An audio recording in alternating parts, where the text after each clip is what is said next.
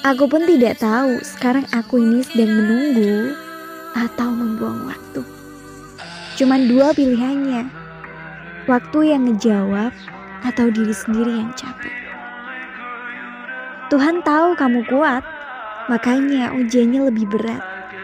Tuhan tahu kamu hebat, oleh karena itu dia memberikan kebahagiaan bukan di waktu yang cepat, tapi di waktu yang tepat. Jika salah, perbaiki. Jika gagal, coba lagi. Tapi jika kamu menyerah, semuanya selesai dan akan sia-sia jika kamu tidak berani mencoba. Kadang Tuhan menghancurkan rencana kita supaya rencana kita nggak menghancurkan kita.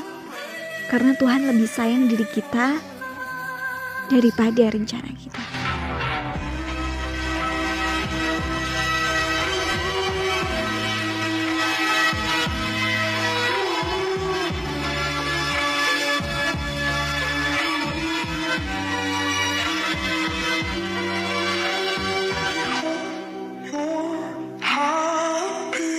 Just not like how you were with me. I'm selfish, I know.